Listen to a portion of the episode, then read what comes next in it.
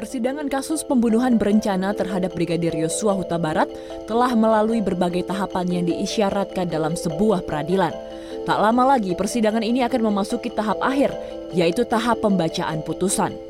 Tentu saja perhatian publik akan tertuju pada majelis hakim yang akan menjadi penentu dalam putusan atau vonis tersebut.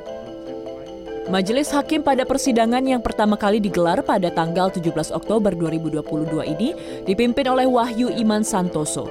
Dikutip dari laman resmi Pengadilan Negeri Jakarta Selatan, Wahyu Iman Santoso merupakan hakim yang juga menjabat sebagai Wakil Ketua Pengadilan Negeri Jakarta Selatan dengan pangkat Pembina Utama Muda. Wahyu memulai karirnya sekitar tahun 2008 sebagai Hakim Pengadilan Negeri Tanjung Balai Karimun. Sebelum menjadi Wakil Ketua PN Jakarta Selatan, Wahyu pernah menjabat sebagai Ketua PN Denpasar Bali. Wahyu juga pernah ditugaskan menjadi Wakil Ketua PN Karanganyar, Jawa Tengah.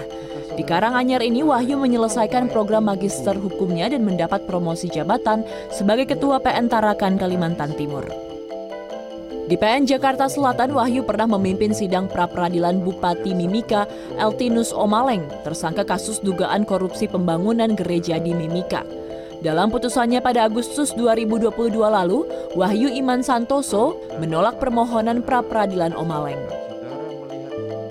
Selanjutnya adalah Hakim anggota Morgan Simanjuntak dari laman resmi Pengadilan Negeri Jakarta Selatan, Morgan merupakan salah satu hakim yang bertugas di PN Jakarta Selatan dengan pangkat terakhir pembina utama Madya.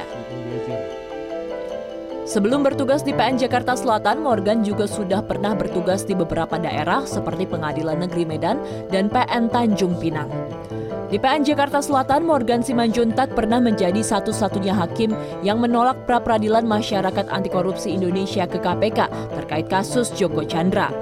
Pada tahun 2017 saat bertugas di PN Medan, Morgan menjatuhkan vonis hukuman mati kepada M. Rizal alias Hasan, bandar narkoba yang menyimpan sabu seberat 85 kg serta 50 butir pil ekstasi. Hakim anggota terakhir adalah Alimin Ribut Sujono. Pria kelahiran tahun 1967 ini terdaftar sebagai hakim di PN Jakarta Selatan dengan pangkat pembina utama Madya. Sebelum bertugas di PN Jakarta Selatan, Alimin pernah menjabat sebagai ketua PN Bantul dan ketua PN Lubuk Linggau.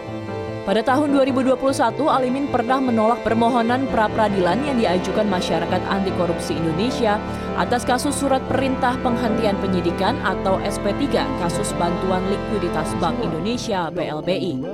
Tim Liputan CNN Indonesia.